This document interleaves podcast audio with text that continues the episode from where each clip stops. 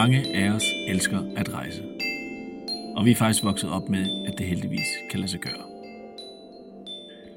For selvom vi tit hører om lande med borgerkrig, fattigdom, nationalistiske ledere og måske endda diktaturer, så er sandheden faktisk, at verden aldrig har været så globaliseret og åben, som den er i disse år.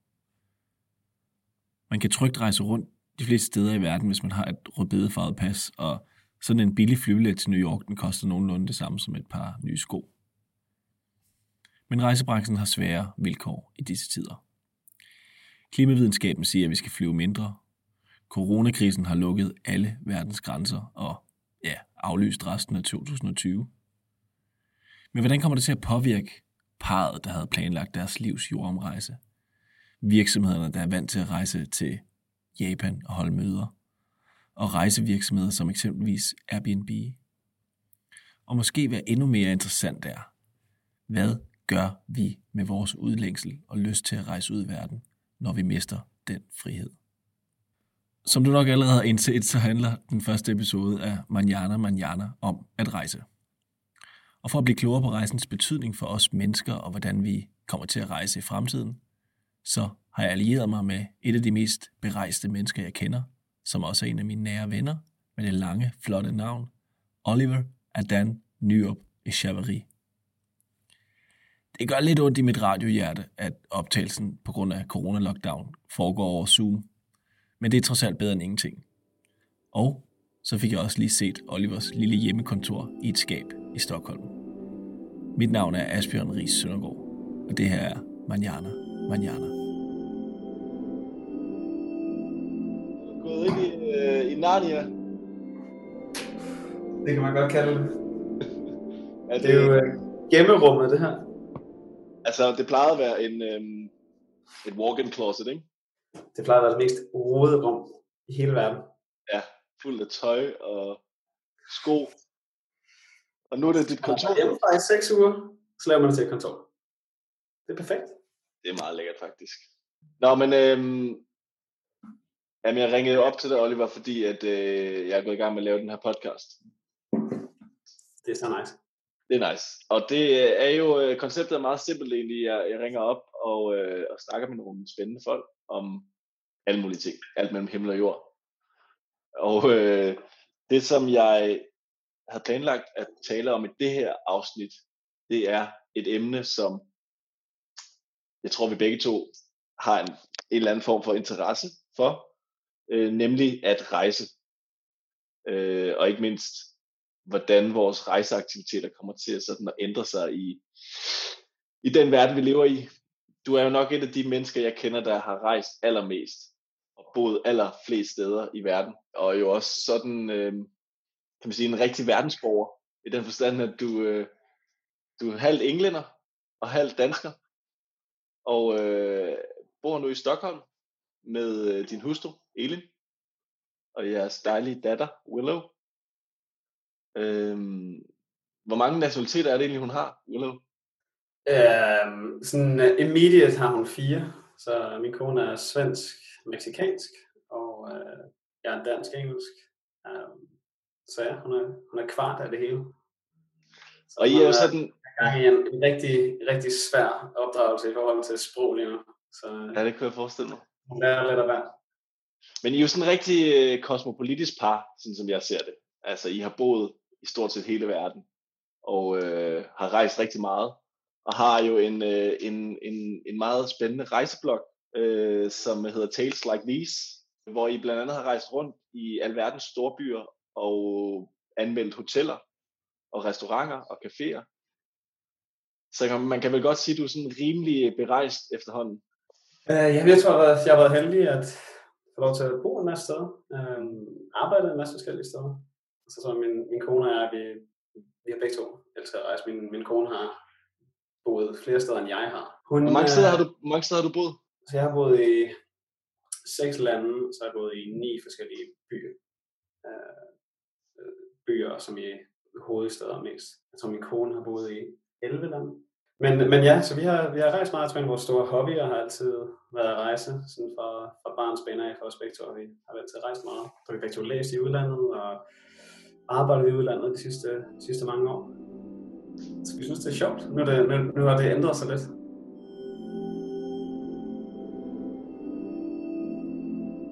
Hvad tror du, det har givet dig at rejse meget?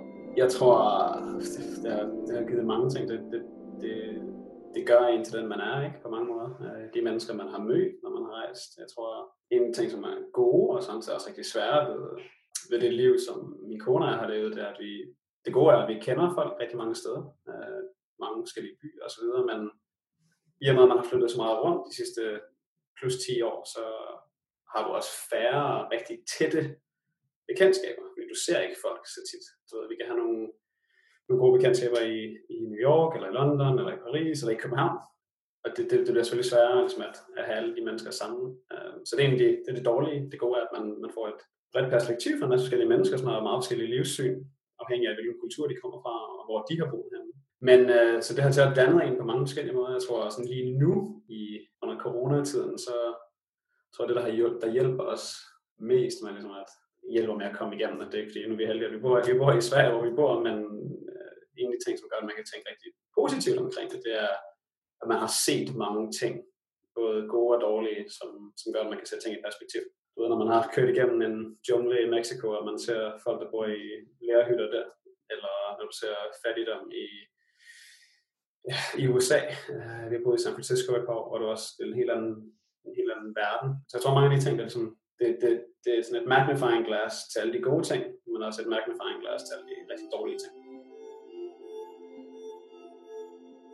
Og nu var du selv inde på det der med, at, øh, at tingene har ændret sig lidt i forhold til coronakrisen, hvor alle verdens landegrænser er lukket, og hvor det ikke længere er sådan muligt bare at rejse rundt i verden. Men I havde jo faktisk planlagt, at I skulle på sådan en slags verdensomrejse i år med jeres, øh, med jeres øh, nyfødte barn er hun jo ni måneder nu, ikke? Jo. Hvordan er det, at den er aflyst? Ja, det kan lige øh, zoome lidt ud og gå tilbage igen. Uh, vi er så privilegerede, at vi bor i Sverige, uh, corona min kone nu på barsel, og fordi vi bor i Sverige, og man har en ret mange dage, man kan bruge til barsel, så har jeg faktisk et helt års barsel, som jeg starter her 1. juni. Og vi havde faktisk det sidste år, har vi brugt på at planlægge et års fri sammen, min kone og jeg. Så vi havde faktisk booket, vi skulle faktisk følge, hvad det så endte med, altså at følge coronakrisen. Øh, så vi havde 1. april skulle vi rejse til Norditalien en måned. Så skulle jeg være i Barcelona hele maj. Så skulle jeg være i, i Cadiz i Spanien hele juni. Øhm, og så har jeg faktisk tænkt, så har vi stadig nogle rejser planlagt til, øh, til efter sommeren, men øh, alt det der, det, det er gået på hold. Uh, så vi har aflyst det hele, øh, faktisk. Så lige nu, der står, vi, der står jeg i mit skab i stedet for hvordan, hvordan er det, at det er aflyst? Hvordan har du det med det, at, I, altså sådan, at, I ikke, at du ikke kan komme ud og rejse, basically? Altså, jeg har det lige nu helt fint. Jeg har det faktisk rigtig dejligt med det lige nu. Øhm, jeg tror i starten, lige da det her kom ud først, så tror jeg, at øh, min kone måske især, hun var sådan, vi har begge to glædet os så meget til det her. I mm. et år. Vi har brugt meget tid på at planlægge det, og også finde Airbnb's med, hvilke restauranter man skulle spise på, hvor man det lokale marked, hvor man skulle købe øh, grøntsager for om morgenen og frugt øh, hvilke museer man skulle på. Så meget planlægning væk. Øh, jeg tror, at efter det, så begynder man ligesom bare at indse, hvor igen tilbage der med, med magnifying glass, eller hvad det, forstørrelsesglas. Den her coronakrise har virkelig gjort, at det hele ligesom bliver et, et forstørrelsesglas med alt. Ikke? Mm. Øh, jeg tror, her i Sverige, når vi, når vi snakker tilbage til punktet før, vi, vi har mange venner, der bor rundt omkring i verden. Vi har venner, der bor i Irland, vi har venner, der bor i Spanien, vi har venner, der bor i Italien, vi har venner, der bor i USA. Øh, over de sidste par uger har jeg snakket med dem alle sammen. Og i Danmark? Ja, nu er jeg i Danmark. øh, måske ikke ramt helt så hårdt af det. Nej. De er jo de er i karantæne. De må ikke gå udenfor. Øh, de får, de får øh, bøder, hvis de går udenfor. Ikke? De kan ikke gå en, de en tur i skoven her til morges. Det er fantastisk. Men, men jeg tror, at i starten, så var vi sådan lidt trist over, at vi kunne tage afsted. Efter det, så bliver man så, man bliver så taksom for at, og taknemmelig for, at man kan gøre alle de ting, vi kan gøre. I sætter pris på andre ting måske. Men udlængslen, den er ikke forsvundet. Er det, er det rigtigt? Har du stadigvæk sådan drømme om at rejse og bo i flere lande? Og... Ja, jeg tror, det har vi helt sikkert. Jeg tror, vi har de tanker er gået lidt på hold også nu. Ja, okay. uh, vi, vil, vi vil rigtig gerne, jeg tror sådan, i, min kone og jeg, vi har lidt en, vi har sådan en, en, en livsfilosofi sammen, en plan, som vi, vi gerne vil prøve at leve en masse forskellige liv i et liv. Og jeg tror meget af det, som vi har haft sammen nu, mange af de oplevelser, vi har haft, er, at vi har boet i udlandet, så der er en stor del af vores, altså, identitet som et par. Så jeg tror stadig om et par år, at vi kunne tænke os at flytte et andet sted hen. Øh, vi fik så et barn, som også gjorde, at øh, man tænker lidt anderledes på det hele. Øh, nu vil vi jo bare have, at hun ligesom er sikker og safe. Og, Ja. øhm, så vi vil stadig gerne ud. Jeg tror, I vil gerne til Sing- Singapore, ikke? Det var, den, det var sådan den seneste destination. det kunne være sjovt. Uh, Mm. mm. Det kunne vi godt tænke os. Ja. Men jeg tror også, øh, jeg ved ikke, hvad man skal, altså vi har rejst så meget de sidste par jeg har, øh, øh, de sidste par år, undskyld. Ja. Uh, og jeg har rejst så utrolig meget med arbejdet, og jeg tror også, at man, man får sådan en, en træthed på at Ja. rejse, og det kan ligesom blive udrejst. Jeg, jeg, jeg ved ikke, hvad man skal kalde det, men uh, det har simpelthen været så meget, at det er også nice bare at få lov til, den her periode gør, at alle mennesker får lov til bare at slow down, ligesom finde ud af, hvad der er, der er vigtigt, du ved. Uh, når vi sidder nede i skoven her, er det lige så godt. Vi sad i går faktisk udenfor, solen skinnede, og vi sad ude på græsset, så sådan, at vi kunne have siddet i, på en uh, plaza i Spanien, eller i Italien, Mm. ville vi hellere have gjort det.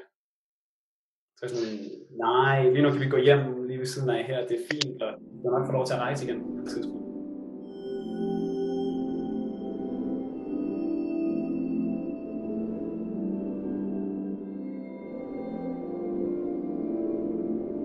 Også den der oplevelse af, at jo mere verden er blevet globaliseret, jo flere muligheder vi fik for at rejse ud, øh, og jo billigere det blev, blev at flyve øh, rundt omkring på planeten, jo mere har vi så også sådan, øh, ja, udbredt hele turismekulturen i en sådan grad, at det næsten ligner hinanden det hele, man kommer ud til. Altså det er den samme kaffe, du drikker på Bali, som det er i Stockholm. Den samme flat white, ikke? Og, øh, og hotellerne ligner også mere og mere hinanden rundt omkring. Og det er svært sådan at, Ja, og du har måske også i virkeligheden set det hele på Instagram allerede, ikke? Du har allerede set billeder af stederne. Og selvfølgelig er det noget andet at komme ud på den der strand, men, men det er næsten som om, at det er lige så eksotisk at tage ud i, i en hytte i Sverige, som det er at tage, eller i ens nabolag et eller andet sted, ikke? Jeg tror også, at det som, jeg tror, som- det, som vi tænker på, det er meget, hvis du skal sætte ned nu, og du bare skal tænke over, hvilke oplevelser ligesom, har været de bedste oplevelser, du har haft. Så det, tit, det, det, det er ofte for os i hvert fald, hvor man har været et eller andet sted et, på et eller andet tidspunkt øh, på en destination. Og det, det er nemmere for dig at huske steder, hvor du har været. Altså, jeg gik en tur med min kone her den anden dag, og sådan, "Nå, men, det er jo fantastisk, vi går i skoven, solen skinner, na, na, na. men om et år har du lige så let ved at huske den oplevelse, som når du sidder på stranden i Bali. Mm. Øh, Ja. Det bliver sådan en an- anchoring næsten i ens hoved, at du ligesom, du associerer, associater Mm. Associere. Associere. den, det minde med et sted, hvor du har været, og det er nemmere for dig, hvis man fremkalder det minde. Ja. Ja. Hvor, at, hvor tit i din dagligdag tænker du, det her, det er virkelig lækkert. Du sidder og læser en bog nede på din lokale café i København, Mm. har du lige sådan let ved at huske det, som når vi to sad på en café i Paris. Mm. Det er jo det samme. Det er det jo basically. Øhm, Men det er den her wanderlust, som du ligesom har, som der gør, Ja. at du på en måde tænker, "Nå, nu er jeg et andet sted, og Ja. du indser, at altså, hvad er forskellen egentlig på de to øjeblikke? Ja.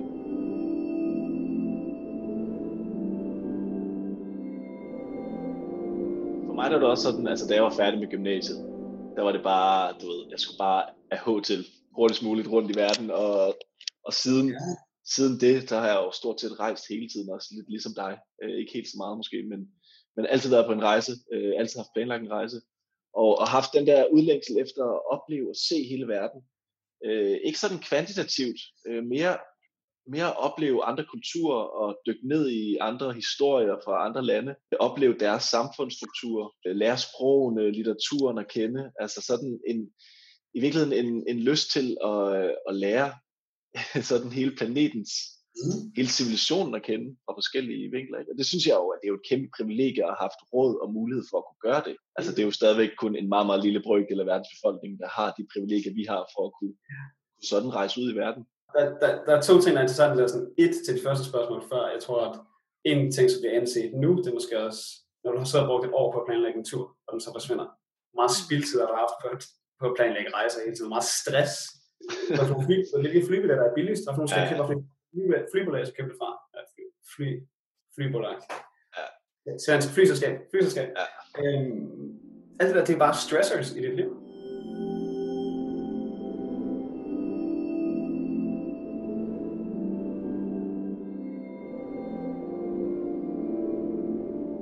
Så til din pointe før, der med at se alle de her ting. Jeg synes, det er spændende, hvad Airbnb har gjort nu. Jeg ved ikke, om du har set.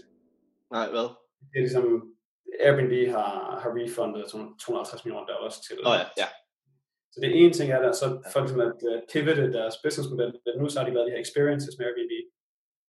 De har sagt, de har lavet en platform nu, hvor et hosts, de får selvfølgelig ikke nogen uh, income nu fra deres, uh, fra deres boliger, og i stedet for, så kan de lave en experience. Så du kan for eksempel gå ind og sige, eller jeg kan gå ind og sige sådan, om jeg skulle have været i Italien, jeg kunne faktisk godt tænke mig at snakke med den host, jeg skulle have haft, og kan han lære mig italiensk, som basics. Mm. Eller cooking with en eller anden, der er i Spanien.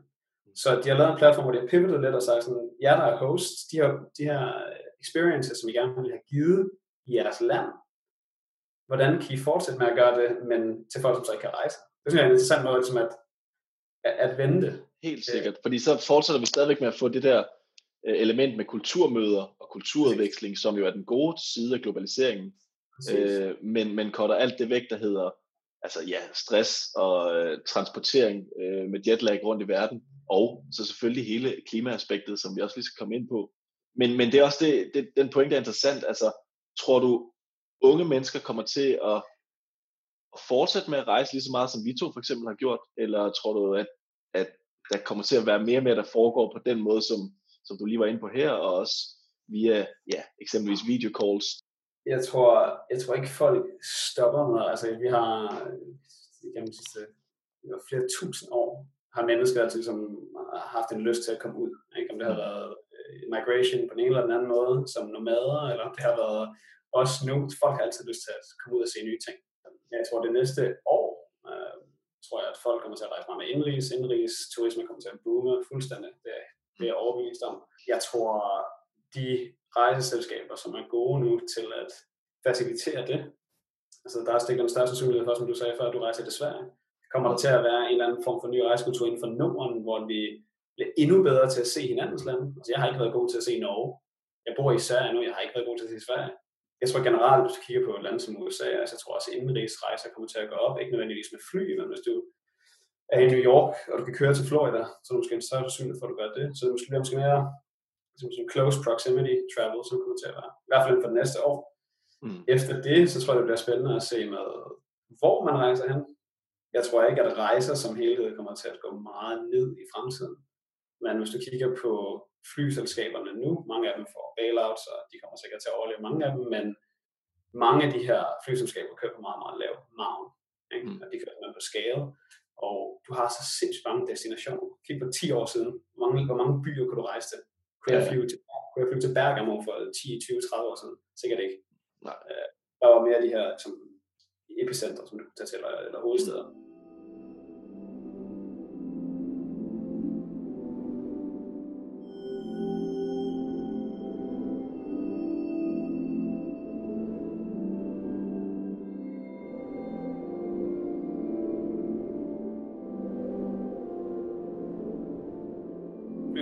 nu skal tænke på, hvordan tjener de penge mm. efter det her. Deres revenue er gået ned 90 procent. Mange af dem har allerede bedt om penge fra regeringen, ikke om det er Norwegian, eller om det er mm. Ryanair, eller om det er SAS. Mm. Øhm, så de, de flyselskaber skal tænke over, hvor skal de flyve folk hen.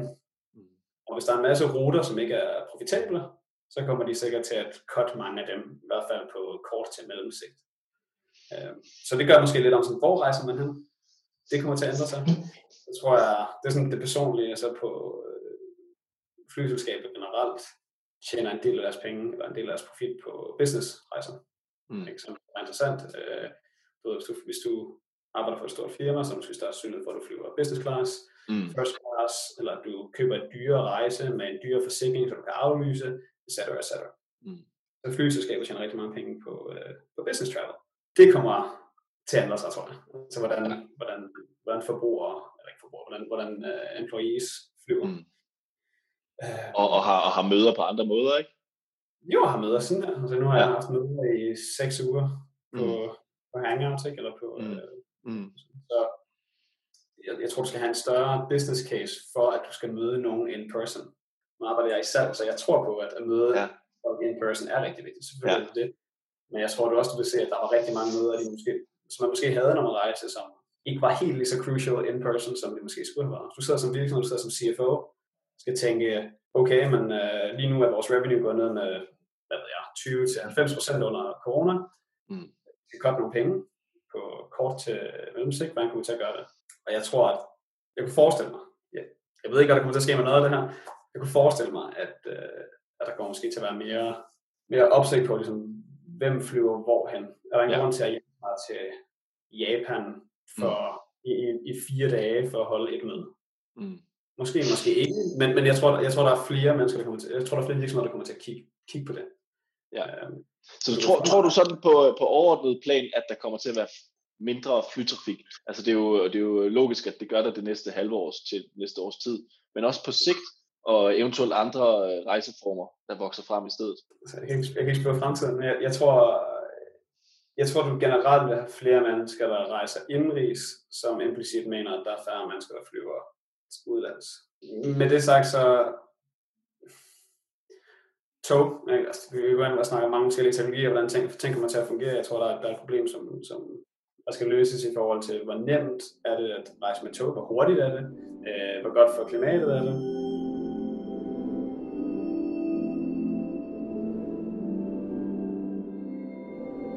Jeg tror sådan for os, jeg tror, at vi kommer til at, det er meget biased, jeg, jeg tror, at vi kommer til at rejse lidt mindre, øh, eller færre gange, end vi gjorde før. Mm. Egentlig bare fordi det, man, man indser nu, når du får lov til at stoppe med alt, alt i dit liv, så får du lov til ligesom, at tænke på, ligesom, var det kun en net benefit, at du gjorde det? Eller var der også ligesom downsides at gøre forskellige ting? Jeg tror, for os, så blev det måske... Jeg kunne forestille mig, at man måske tog længere rejser. Jeg kunne forestille mig, at min kone er måske har større sandsynlighed nu for, at vi rejser en uge, to til tre uger afsted ad gangen, i stedet for at tage på weekendtur til Rom. Jeg ved ikke, hvor meget af det, der har at gøre, når man har fået et barn også, men du ved, et fredag til søndag med en baby, op i et fly, tage til lufthavnen, du ved, skulle lave mad i et andet køkken, alle de her ting, det er meget spildtid. Ja. Så måske vil man hellere køre det længere ud og sige, at du tager to-tre uger et sted, hvilket også implicit betyder, at folk kommer til at tage færre fly. Ja, så der, der er nogle interessante pointer der. Altså blandt andet så er det... Hvad tror du?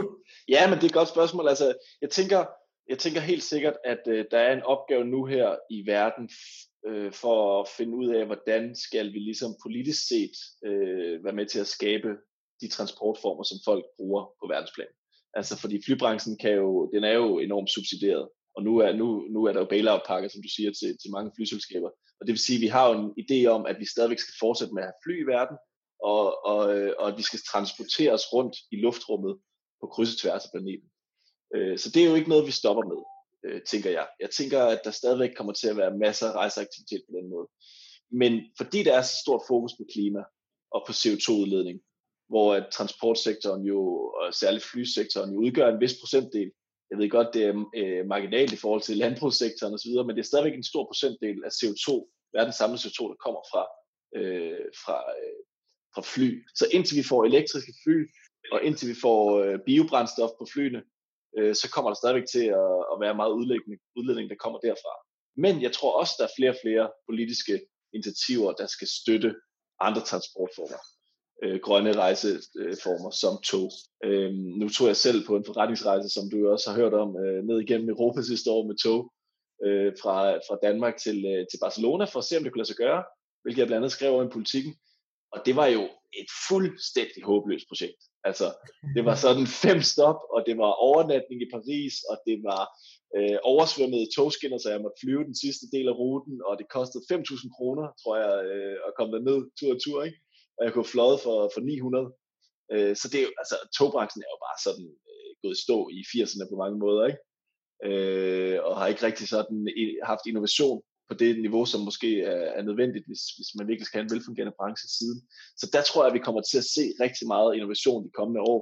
Jeg ved, at, øh, at der er mange lande, der er i gang med at åbne for nye øh, toglinjer, også nattog, øh, samarbejde mellem Tyskland og Østrig. Jeg ved, at DSB trykker rigtig hårdt på for at få flere øh, sendt afsted med tog på, på rejser. Nu har coronakrisen jo så sat en stopper for det også, kan man sige, den, den her kort, kortsigtede periode. Men på sigt tror jeg, at vi kommer til at se mere rejse, der, hvor, hvor, der, hvor det grønne ligesom er i centrum. Og som du også siger, måske også generelt en anden kvalitetsforståelse. Vi behøver ikke at rejse til Thailand for at have en god ferie. Og der er måske lige så mange spændende ting at opleve i Norden.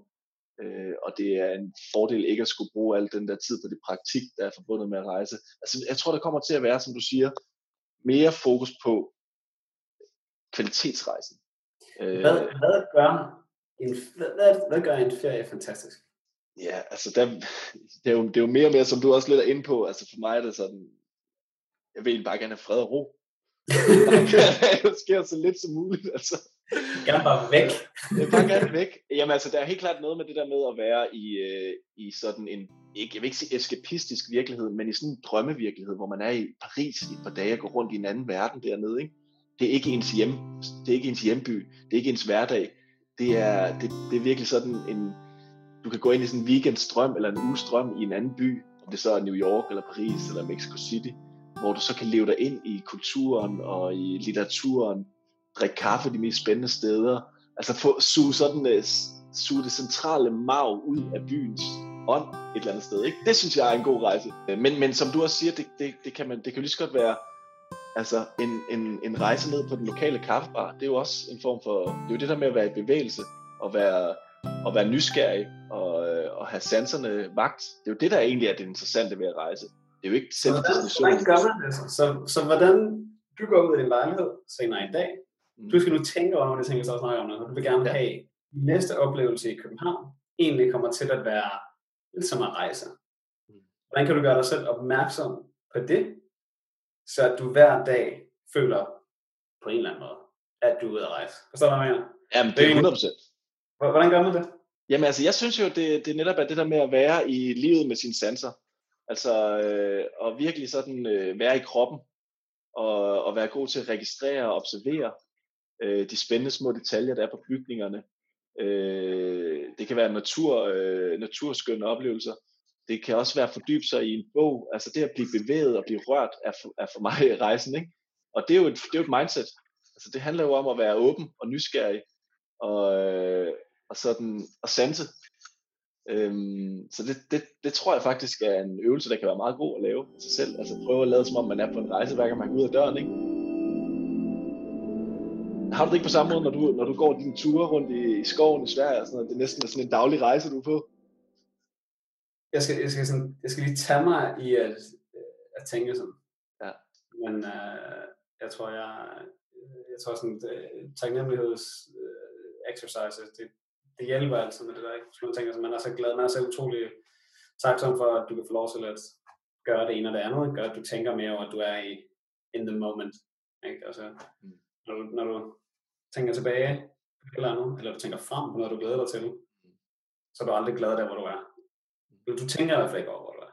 Right? Så det er vel lidt det der med, at du bare kan gå rundt, og du ved, solen skinner. Det er lidt den følelse, du har, hvis du sidder i Spanien. Så, oh, nej, solen skinner, og du er virkelig du er ja. glad lige hvor du er. Er noget, noget magi der, ikke? Ja. Hvordan kan man få den følelse sådan, ja. i dagligdagen? Ja. ja. Og det tror jeg, lidt små ting her herhjemme, hvor vi ligesom har haft du ved, en eller anden dag, hvor vi siger sådan, men øh, i dag så er, det, så er det ligesom italiensk dag, fordi vi ikke er i Italien. Så vi laver en masse god italiensk mad. Vi sætter en italiensk playlist på, på, øh, på vores, øh, på vores øh, Google Home. Og, øh, og ligesom tænker over sådan, så hvordan ville det være at rejse der og så videre. Det, det er ikke det samme, men man får alligevel lidt af, af, sådan, af den der følelse. Ja, fordi at det, er jo, øh, det er jo sådan en god måde at holde øh, drømmene og udlængselen i live på. Altså netop at sådan at lave den, den rejse, der, der kan foregå lige omkring dig, med, med kultur og med mad og med bøger og så videre, ikke?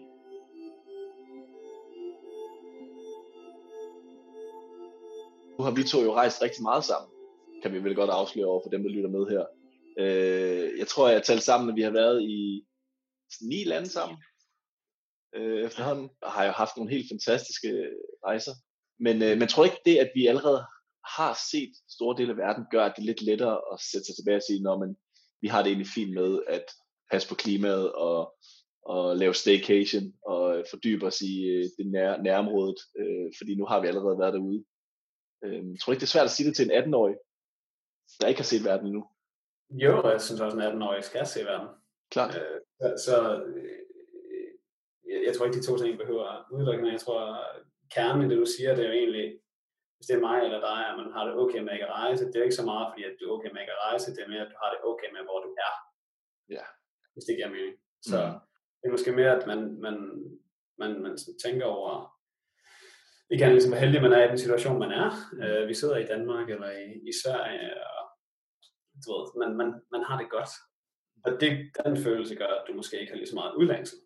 Mm. Hvis du hele tiden, hvis du ikke har det godt, så vil du hellere have, skal du hellere et andet sted hen. Som du sagde i starten, øh, eskapisme. Altså, mm. Lige præcis det ord betyder egentlig, at du kan vil væk. Ikke? Virkelighedsflugt, ja. Du vil gerne væk fra, hvor du er. Mm. Så hvordan kan man... Det, det, forstår du, ja, ja, ja, 100 procent. 100 øh, det er selvfølgelig svært. Øh, jeg, jeg, jeg, jeg tror, hvis man er 18, så skal man da også ud og rejse, eller ikke, om du er 18 eller 22 ja, ja. eller 30. du har lysten. Ja. Der er ting, som man gerne vil se. Jeg tror, det er med indtryk øh, fra forskellige ting, det, det, det danner dig på mange måder, ikke? og det gør dig til en, det giver dig flere indtryk, som du ligesom kan drage på senere. Præcis. Og det er jo det er også der, hvor jeg mener, at så længe at man, man ligesom øh, er en kvalitetsrejsende, altså en rejsende, der, der, der bevæger sig ud i verden med respekt for, for kultur, og, og som også prøver så vidt muligt at passe på klimaet undervejs, og er nysgerrig og åben, og gør det for ligesom, ud af en indre nysgerrighed, for at vokse, så synes jeg, det er fantastisk. Det synes jeg er en, en rigtig dejlig måde at, at være i live på. Og, og det, så, ja. kvalitetsrejse, det er jo også det er jo så forskelligt for os alle sammen. Det, som jeg godt kan lide, en kvalitetsrejse for mig, det er noget helt andet for dig, Klart. eller for, øh, for en, som lytter med her. Så, så længe at det, man gør, ligesom, er inden for de parametre, som vil have gjort dig glad for den rejse. Så, men, det er helt, men min pointe var egentlig også det der med, at, at jeg måske synes også, at der er nogle rejser, som, øh, som ikke har det der kvalitetselement så meget i sig, som måske mere bliver, det, det er en fordom, jeg har, helt klart, men, øh, men jeg kan nok også godt finde lidt i mig selv, det der med, at man bare tager afsted, fordi man lige mangler et eller andet kick, eller har en eller anden forestilling om, at det er fedt derovre. Øh, og så, jeg vil også se Bali. Alle, alle andre på Instagram har været på Bali, så jeg vil også se det. Og så kommer man derover, og så er det sådan, hvad skulle jeg egentlig her?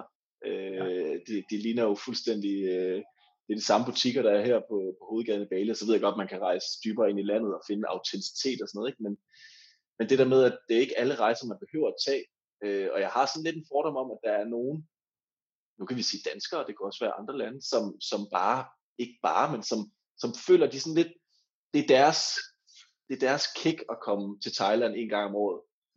Men behøver de det egentlig? Hvis man nu skal se det i et klimaperspektiv, ikke? Er det, er det sådan, er det lidt en vaneting? Er det, en, er det en, er virkeligheden noget, man måske kunne, kunne fylde, det der tomrum, der, der, der gør, at man, man får lyst til at rejse sted, kunne man fylde det ud på andre måder, som du siger, ved at være glad der, hvor man er? Jeg ved det ikke, det er en total fordom, ikke? Men, men jeg tror at vi skal snakke om... Det er svært, ikke? Fordi det at tage til Thailand, eller hvor London, er, kan ja. også være, at gøre, at du bliver glad for, hvor du er. Ja, helt klart. Så, så de hænger også sammen, de to ting, ikke? Øh. Men vi er nok også nødt til at acceptere, at det ikke er et, øh, et krav, at vi bare lige kan rejse til Thailand i forhold til CO2 og klima og sådan noget lige nu. Altså, og også i lockdown-perioden. Altså, man kan ikke bare lige sådan forvente, at man kan rejse rundt i verden. Øh, det er et privilegie, hvis man kan, og, og som, som du også er inde på, øh, så, er det, så er det vigtigt, at vi kulturudveksler og, og rejser ud. Men jeg synes at det er fedt, som vi gør her, at, at meditere eller tænke lidt over, hvad rejsen egentlig betyder og hvad, hvorfor den er vigtig for os. Øhm, fordi at vi dermed måske når et skridt tættere på, på det der element med at lave kvalitetsrejser. Mm. Så det er måske bare det, der er sådan en opfordring til, til andre også, at, at prøve at sådan reflektere lidt over rejsens betydning.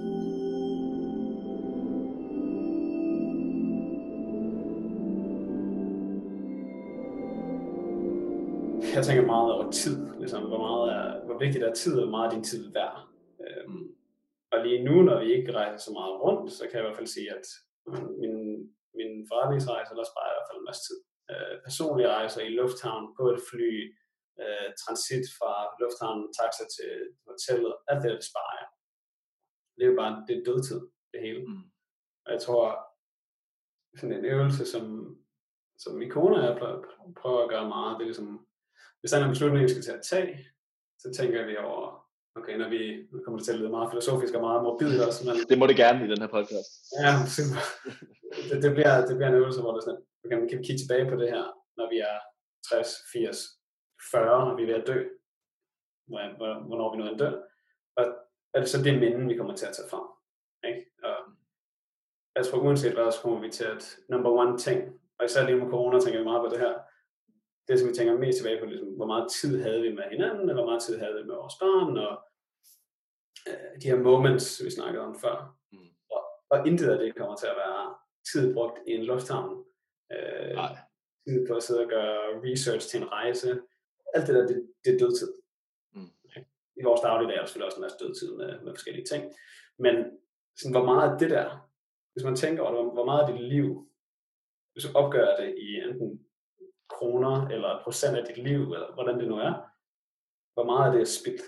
Mm. Øh, nu er det kun Det- at rejse. Gen- Generelt ting, vi tænker over, ikke? Men, øh, Det, det, kan jeg godt, det kan jeg godt følge dig i det der. Øh, Jeg tror også, øh, jeg, jeg sådan selv øh, netop på baggrund af den tanke der, er kommet ind i et mindset øh, og en, måske også en livsstil, der handler om netop at prøve at, at nyde pauserne og tidsrummet, hvor man nogle gange er i standby mellem nogle ting, eller det kan også være i lufthavnen. Prøv at se, om man ikke kan få noget det bedste ud af den tid, man er der. Altså jeg kan Mm. egentlig godt lide det der langsomme element i livet, hvor at, hvor at selv det at være i en lufthavn kan blive, kan blive en interessant ting. Altså man sætter sig ned og drikker en kop kaffe, øh, og er i god tid, og, og, øh, og, og måske observere det rum, man er i der, ikke? Som, jo, er- som jo er sådan et, et travlt rum, men man gør det med et mindset, som er lidt mere roligt og nede på jorden. Øh, det tror jeg, det er en måde også at få, få, få det bedste ud af, af alle de der sådan øh, forskellige tidsrum, man befinder sig i. Ikke? Øh, men når det er så sagt, så er jeg helt enig i, at, at alt det der praktik omkring at rejse, det, det slider sgu på en. Altså, jeg ved ikke, om det er bare fordi, man er, blevet, man er ved at blive gammel efterhånden, men hold da op sådan en dag i, i lufthavne med øh, security og vente og tøj af og boarding, der ikke fungerer. Det her, kommer det til at tage endnu længere tid, for at komme igennem i lufthavn efter corona? Så skal du, skal du tjekkes for febersymptomer, eller hvad man nu gør i mange, mange lande nu, eller sådan sanitary ting, du skal gå igennem, Mm. for at tjekke, at du ligesom er ren. Øh, skal, skal man bruge længere tid på at gøre et fly rent, efter nogen, der lige har rejst på det? Jeg aner ikke, hvad der kommer til at ske, men, men kan det gøre, at selvfølgelig er der en, en, en net benefit for, for consumer, så det er renere og så videre, så videre, så videre, mere sikkert måske. Men hvad betyder det for, for det, vi lige snakker om der? det er jo nok også det der med, jeg ved ikke om, om, om du har tænkt over det, siden du fik, øh, fik dit første barn Willow, altså øh, at det er også en usikker verden at rejse ud i med et barn. Altså der er også noget med ens helbred. Da man var yngre, der kunne man godt bare sove i lufthavnen, hvis det skulle være det i Indien. Det har jeg da i hvert fald gjort. øh, hvor jeg sådan, det vil jeg, det vil jeg simpelthen ikke kunne overskue at gøre nu. Øh, både i forhold til komfort og sundhed, og, ja, og sådan, sådan en viruspandemi her, den, den gør jo også, at man bliver sådan lidt mere varsom med, hvor man rejser hen hvad for nogle øh, områder man befinder sig i, og tænker du ikke over det i forhold til, til, til jeres barn? Helt sikkert. Ja. Jo. Men jeg tror også, inden det tror jeg også, jeg tænkte, jeg begyndte at tænke mere og mere over det. Altså, Da du så Zika- Zika-virusen og e- Ebola og... jamen, jeg er ikke så meget det. Nå. Men, men, men mere, at det er så vigtigt for mig at få 8 timer søvn hver dag. Det, Ja. det skal jeg, så, så fungerer det ikke øh, optimalt. Øh, det er vigtigt for mig, at jeg spiser sundt og har det godt. Jeg føler, at jeg har det nice. Øh, og mange af de der ting, meget rejse, meget dødtid, meget sidde ned i en lufthavn, meget sidde ned på et fly, og de der ting, det, det har en negativ påvirkning på, på mig. Men det sagt, så kan det være helt fantastisk, når man, når man er et sted, og det er også igen minderne, Klart. der er en masse gode ting, men, men fra et helseperspektiv, det er noget, jeg har prøvet at blive bedre og bedre til, Ja. jeg prøver at træne, når jeg er på Ja. ja. hotelværk. Jeg prøver at løbe, hvis jeg er i en ny by og så videre, men du tager dig selv ud af rutiner, som du måske har sat op derhjemme, som er svære at nå. Så jeg tror ikke kun, at det er et barn, der har gjort det, det er også bare mit eget velvære, når jeg rejser, går ned. Jeg sover ikke Ja. ja. så godt. Jeg ved ikke, har du læst, har du læst Why We Sleep? Nej, det tror jeg ikke. Så du har, men jeg burde læse den jeg, efter, jeg, hvor... har sikkert, jeg har sikkert fablet om den før, men, men ligesom, hvor vigtigt søvn er for dig generelt. Og når du sover i en anden seng end din egen, så er halvdelen af din hjerne egentlig stadig vågen. Den er på vagt. Ikke? Eller Jo. på vagt, eller, ja. Uh, den er ligesom klar til, hvis du sker eller andet, fordi du er et nyt, uh, nyt territorie. Så du sover bare dårligere, når du ikke er i din egen seng. Uh, så, så der er også, et- der, der, er- alle de der ting påvirker også lidt i forhold til, hvordan Det har vi i hvert fald en... vi kigger på Airbnb's nu, når vi skulle planlægge det her år. Så vi sådan, okay, hvad for en slags seng er det? Uh, er det tæt på støj? Er det, du ved, alle de her ting. Uh, Jeg kan i hvert fald godt skrive under på det der med, med søvnproblemer efter vores tur til, øh, til Seoul og, og Tokyo. Jeg tror ikke, jeg, jeg, tror, jeg tror ikke, jeg sov i to uger på grund af jetlag rende rundt med sådan lige på armen i... Men det er, det er nogle interessante perspektiver, jeg synes, vi, vi har været inde på i, i det her podcast-afsnit, som jo skulle handle om rejsen og, øh, og rejsens betydning for os, og, og også lidt om, hvordan vi kommer til at rejse fremadrettet. Og jeg tror noget af det, som, øh, som vi to tydeligvis er meget enige om, øh, det er det der med, at, at, at rejsen har, har haft en stor betydning i vores liv, øh, og at det er noget, vi, vi stadigvæk forsøger at integrere i vores, i vores dagligdag, øh, måske på en lidt anden måde, som, som også handler om at rejse det nære, eller at være i bevægelse, stimulere sine sanser på forskellige måder. Øhm, og, og, og måske mindre og mindre handler om at komme ud til specifikke destinationer og, og se øh, og opleve ting derude. Hvilket også er fantastisk. Altså det, Hvilket det, også det, kan være fantastisk. Det er en balance, jeg taler om her, ikke? Præcis. Men, men måske er kernen i det jo øh, at, at prøve at fokusere på kvalitet og gøre det, du føler er meningsfuldt og vigtigt at bruge tid på. Og det er jo i sidste ende nok noget med relationerne, hvem man gør det med, at man deler det med nogen. Øh, og der kan det jo være helt fantastisk at opleve en solnedgang i Sydafrika. Øh, ligesom det også kan være helt fantastisk at opleve den i Hornbæk eller i, øh, i Værmdø øh, uden for Stockholm. Øh, så, så, så der er mange måder at rejse på, det, det synes jeg helt klart, vi skal blive ved med. Øh, men det er, måske, det, det er måske meget godt, hvis vi begynder at fokusere lidt på at, at netop øh, rejse med, øh, med sådan kvalitetsbrillerne på, også i forhold til klima øh, og, og ens sundhed. Og så... Øh, der, kommer, om der kommer et eller andet ud efter det her i forhold til sundhed og rejser sammen. Ja, der, er mange, det er en... der, er mange, der, er mange, der gør sundhedsrejser i forvejen og tager til Tenerife og gør et sportsophold osv., men mm. jeg undrer om der er en eller anden industri, som kan komme ud af, at det her, hvor der er mere fokus på helsen, når man rejser, eller helbredet, når man, når man rejser. Det er noget, du måske skal lave en podcast om på et tidspunkt. I hvert fald øh, var, var, det rigt, var det rigtig dejligt at, at snakke med dig om de her ting, Oliver, og øh, jeg håber også, at øh, dem, der lytter med her, synes, at det øh, måske var interessant og måske endda inspirerende og oplysende at, øh, at være med i den her samtale, der handler om, om rejsens betydning.